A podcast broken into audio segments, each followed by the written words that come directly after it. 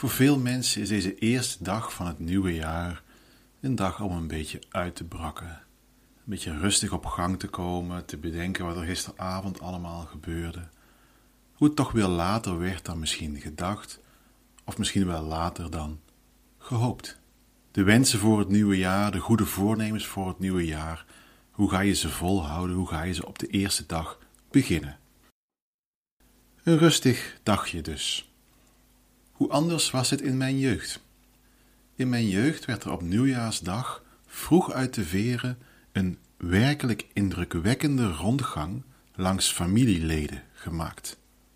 Familieleden of een soort aangenomen familieleden, mensen die strikt genomen niet eens familie waren. Ze werden één voor één bezocht en er werd het gelukkig nieuwjaar gewenst. Het moet in veel opzichten, zeker voor de volwassenen, een nog veel zwaardere dag zijn geweest dan oudejaarsavond. Als kind heb ik superleuke herinneringen aan die nieuwjaarsdagen. Het lijken er wel tientallen. Maar dat, snappen jullie als statistiekliefhebbers natuurlijk, kan niet. In de volle en naar het gevoel nooit geluchte woonkamers van mijn oudtantes en opa's en oma's spraken de mannen over de saaie onderwerpen. Belastingregelingen, auto's, er werd soms heel hard gelachen. Veel leuker en veel gelukzaliger was het bij die oud-tantes en oma's. Een jaarlijks terugkerend onderwerp was de wafels. In Limburg werd met oud en nieuw amper een oliebol gegeten. Maar de wafel, het nieuwe jaar begon met wafels. En elke oud-tante of zogenaamde oud-tante had haar eigen recept. De discussie ging er natuurlijk over wat is het geheime ingrediënt of de geheime bereidingswijze, waardoor de wafels van de een veel beter en smakelijker zijn dan van de ander. Is het, het toevoegen van citroen? Is het kort bakken? Is het eerst warm bakken en dan wat minder heet bakken? Is het lang in de oven? Is het kort in de oven? Is het snel laten afkoelen? Al die opties passeerden de revue terwijl wij kinderen de zoveelste wafel naar binnen werkten en gelukzalig in de zuurstofarme lucht in een bank hingen. Ik herinner mij nog goed, en dit kan een voorbode geweest zijn van mijn interesse in experimenten en statistiek, dat de oud-tante die, zoals algemeen bekend, de lekkerste wafels maken, een soort capo dei capi van de wafels in de familie, op een gegeven moment de discussie in feite stopte. Nee, zei zij, het gaat niet om één trucje of om één ingrediënt wat het verschil maakt. Je moet het in zijn totaal zien. Al die dingen hangen met elkaar samen. En pas in zijn totaal krijg je ook de lekkerste wafel. In de statistiek heeft deze positie iets te maken met interactie-effecten. Heel vaak in de natuur hangen twee dingen op een bepaalde manier met elkaar samen, waardoor je niet meer kan zeggen: het is het ene ding wat het verschil maakt, of net het andere ding wat het verschil maakt. Dit noemen we een interactie-effect. En het is een van de meest besproken, misschien wel meest belangrijke effecten die we ook statistisch kunnen toetsen. Daarover gaan we het vandaag hebben en we gaan ook kijken naar wat het intercept betekent en wat eigenlijk de cijfers betekenen die je krijgt als je coëfficiënten schat van je predictoren. Als sommige van deze termen nog onbekend zijn, ga dan even terug naar een van de eerdere afleveringen over lineaire regressie. Welkom in de wonderenwereld van het interactie-effect, intercept en beta's. Dit is Audiostatistiek, de podcast over statistiek zonder plaatjes.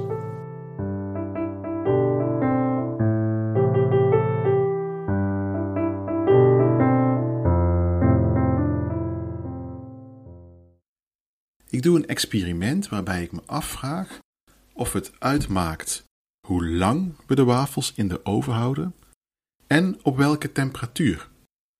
Mijn afhankelijke variabele, het ding wat ik meet, is de smaak van de wafel. Dit toets ik en ik vraag mensen om daar een cijfer aan te geven, bijvoorbeeld van 1 tot 10. 10 is de lekkerste wafel die je ooit gegeten hebt, 1 is dit is niet te eten en alles wat daartussenin zit. Dat is onze ei in regressietermen. Onze predictoren zijn hoe lang de wafel in de oven zat. Hier kies ik of kort in de oven of lang in de oven. Dat is de eerste predictor, de tijd in de oven. De tweede predictor is de temperatuur. En hier kies ik lage temperatuur of hoge temperatuur. Dat is de tweede predictor.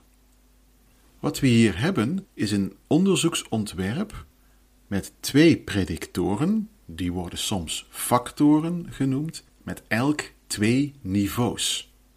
Levels in het Engels. 2 keer 2 is 4 en dat betekent dat we vier unieke combinaties van factoren en hun levels hebben. We hebben wafels die gingen kort in de oven op lage temperatuur. We hebben er die gingen kort in de oven op hoge temperatuur. We hebben wafels die gingen lang in de oven op lage temperatuur. En lang in de oven op hoge temperatuur.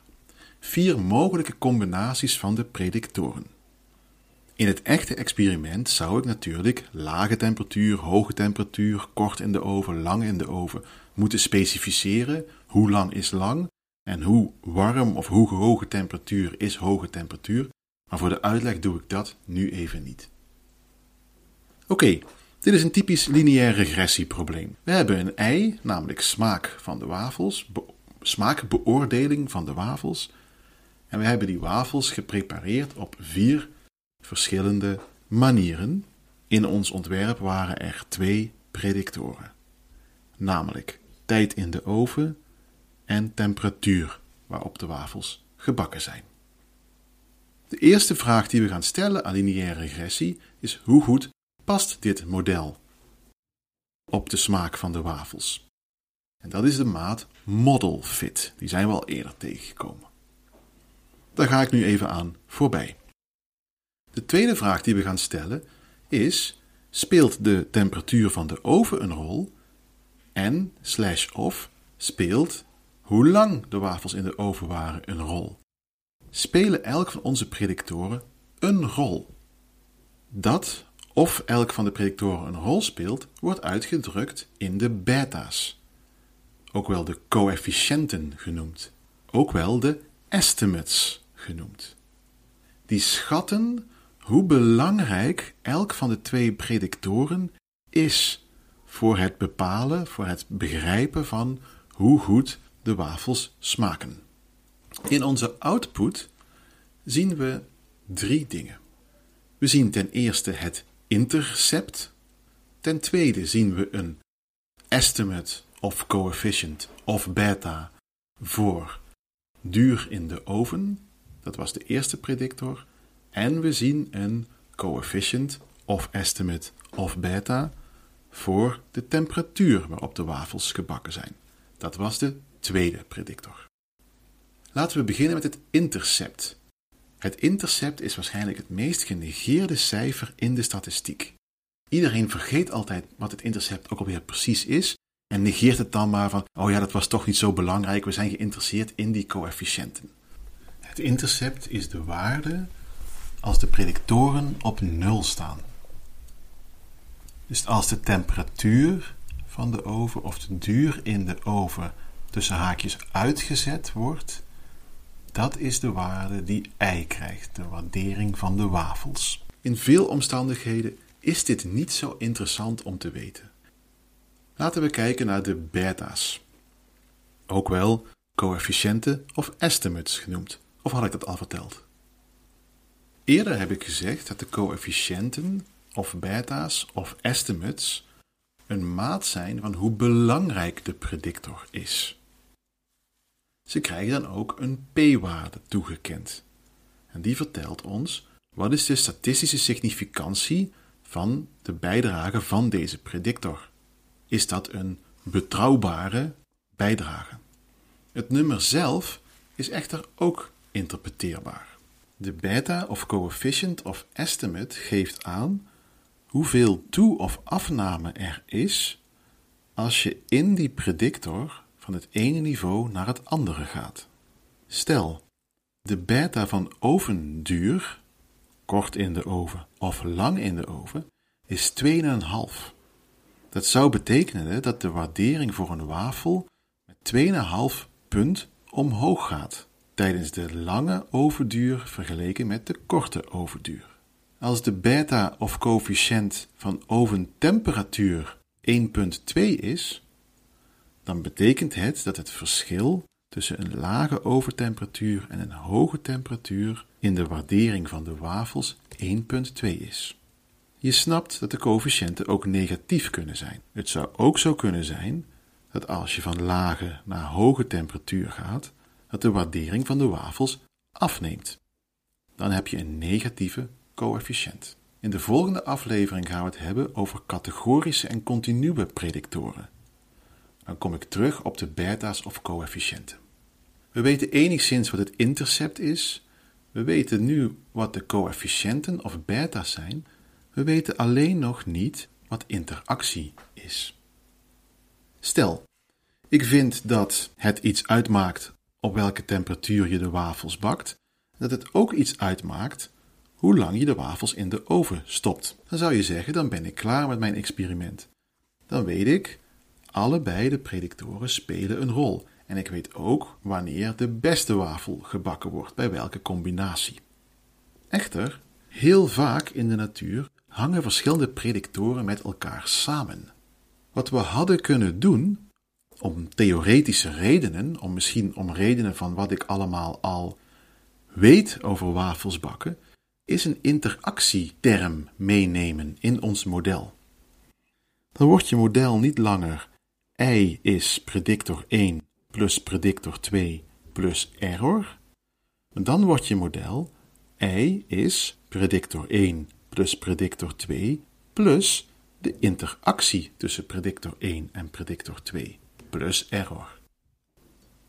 In formules wordt dat meestal geschreven met een sterretje of met een x predictor 1 x predictor 2 keer predictor 2. Als er sprake is van een interactie-effect, dan betekent dat dat temperatuur en tijd in de oven niet meer onafhankelijk van elkaar gezien kunnen worden. Dan betekent het dat die op een manier de smaak van de wafels bepalen, waardoor je niet meer kan zeggen: aha, het is vooral temperatuur wat de smaak bepaalt. Of het is vooral tijd in de oven die de smaak bepaalt. Nee, het is hun combinatie. Interactie treedt op, bijvoorbeeld, als wafels die heel kort gebakken zijn op hoge temperatuur heel lekker zijn. Maar wafels die lang gebakken zijn op hoge temperatuur zijn weer helemaal niet lekker. Dat tegenover staat dat op lage temperatuur de kort gebakken wafels helemaal niet lekker zijn. Op lage temperatuur zijn de lang gebakken wafels net weer lekkerder. Ik weet niet of je het voor je kan zien, maar deze beschrijving geeft aan dat temperatuur en ovenduur tegengestelde effecten hebben op de smaak. Er is een unieke combinatie waarbij de smaak van de wafels het best is, maar je kunt niet zeggen dat het altijd op hoge temperatuur is. Of hoge temperatuur goed is voor wafels, ligt aan de ovenduur. En of korte ovenduur goed is voor de wafels, ligt weer aan de temperatuur. Hier zien we het advies van mijn oud-tante terugkomen. Je kunt niet zeggen het is het een of het is het ander. Het is hun combinatie. En dat noemen we een interactie-effect. En die komen vooral in biologische fenomenen heel veel voor. Dingen hangen nu eenmaal vaak met elkaar samen. Een interactie-effect treedt op wanneer de twee predictoren niet meer onafhankelijk van elkaar te beschouwen zijn. Je kunt niet zeggen het is tijd in de oven of het is temperatuur van de oven die het verschil maakt voor smaak. Het is hun combinatie. Vaak zien we in tekstboeken een interactie weergegeven als kruisende lijnen. Dat is het geval wat ik net beschreef, waarin de verschillende combinaties echt tegengestelde effecten hebben. Niet altijd hoeft een interactie op zo'n manier te zijn. Het kan ook zijn dat het de ene factor er geen effect is, als je van het ene niveau naar het andere gaat, maar voor het andere level van die andere factor weer wel. Jullie horen het al, interactie-effecten moet je echt zien. Het is heel lastig om grip te krijgen op interactie, om je voor te stellen wat een interactie is. Daar moet je een plaatje van maken. Dat is best lastig bij een zogenaamde tweeweg-interactie, het voorbeeld dat ik nu besprak, waarbij je twee predictoren hebt. Dat is echt heel moeilijk bij een drie, vier of vijfweg-interactie. Bij een drieweg-interactie heb je drie predictoren, drie factoren, die op een bepaalde manier met elkaar samenhangen. Dat is moeilijk te visualiseren en vaak ook best wel lastig te begrijpen. Daarom wordt er in veel onderzoek pas een drieweg-interactie gemodelleerd als mensen die ook echt verwachten. Als je een model hebt wat zo'n type interactie voorspelt. Onderzoeksontwerpen waarbij je interactie verwacht, heel erg krachtig, heel erg statistisch efficiënt. Daarover later meer. Lineaire regressie bleek dus nog meer te kunnen dan we na de vorige aflevering al dachten. Lineaire regressie kan je niet alleen vertellen of er een goede model fit is en of een predictor belangrijk is, maar ook hoeveel het belang van die predictor is. Dat wordt uitgedrukt door de coëfficiënt. Wat de significantie van die coëfficiënt is, dat hadden we al eerder gezien. En je kunt ook aan lineaire regressie vragen: interacteren mijn predictoren? De sky is eigenlijk de limit met regressie. Je kunt niet alleen vragen: interacteren mijn predictoren? Je kunt ook vragen: hebben mijn predictoren een exponentiële relatie met de y, met de gemeten data? Of misschien nog wel een andere relatie waar ik nu even niet op kom. Als je zoiets verwacht, modelleer je dat. Dan stop je dat in je model. Dus bijvoorbeeld als je een exponentiële relatie verwacht, stop je niet predictor 1 in je model, maar dan stop je predictor 1 tot de macht 2 in je model. De flexibiliteit die lineaire regressie heeft, is heel handig, maar vereist ook dat je goed nadenkt over wat je model is voordat je het blind in lineaire regressie stopt. Als je een theorie hebt die bepaalde voorspellingen maakt, dan toets ook die voorspellingen in je regressiemodel. Laatste ding wat ik over interactie wil zeggen, is dat als er een interactie-effect is, dan is het heel erg moeilijk om de hoofdeffecten, dat zijn de afzonderlijke effecten van predictor 1 en predictor 2, nog te interpreteren. Dus als tijd in de oven en temperatuur van de oven met elkaar interacteren, kun je daarnaast ook nog een effect van ovenduur hebben of oventemperatuur. Een afzonderlijk effect. Dat kan, maar dat effect is dan lastig interpreteerbaar, omdat we al weten dat ze op een bepaalde manier met elkaar samenhangen. Ze zijn immers al een stel. De volgende keer gaan we kijken naar wat het verschil is tussen categorische en continue predictoren en hoe we dan interactie kunnen begrijpen. Voor nu vraag ik jullie mee terug te gaan naar die gelukzalige buiten is het koud, binnen is het loeiheet middagen van nieuwjaarsdag, waarin elke wafel eigenlijk goed smaakte, wij als kinderen helemaal volgestouwd werden met lekkers en we nog geen weet hadden van interactie. Ik zie jullie graag volgende keer bij Audiostatistiek.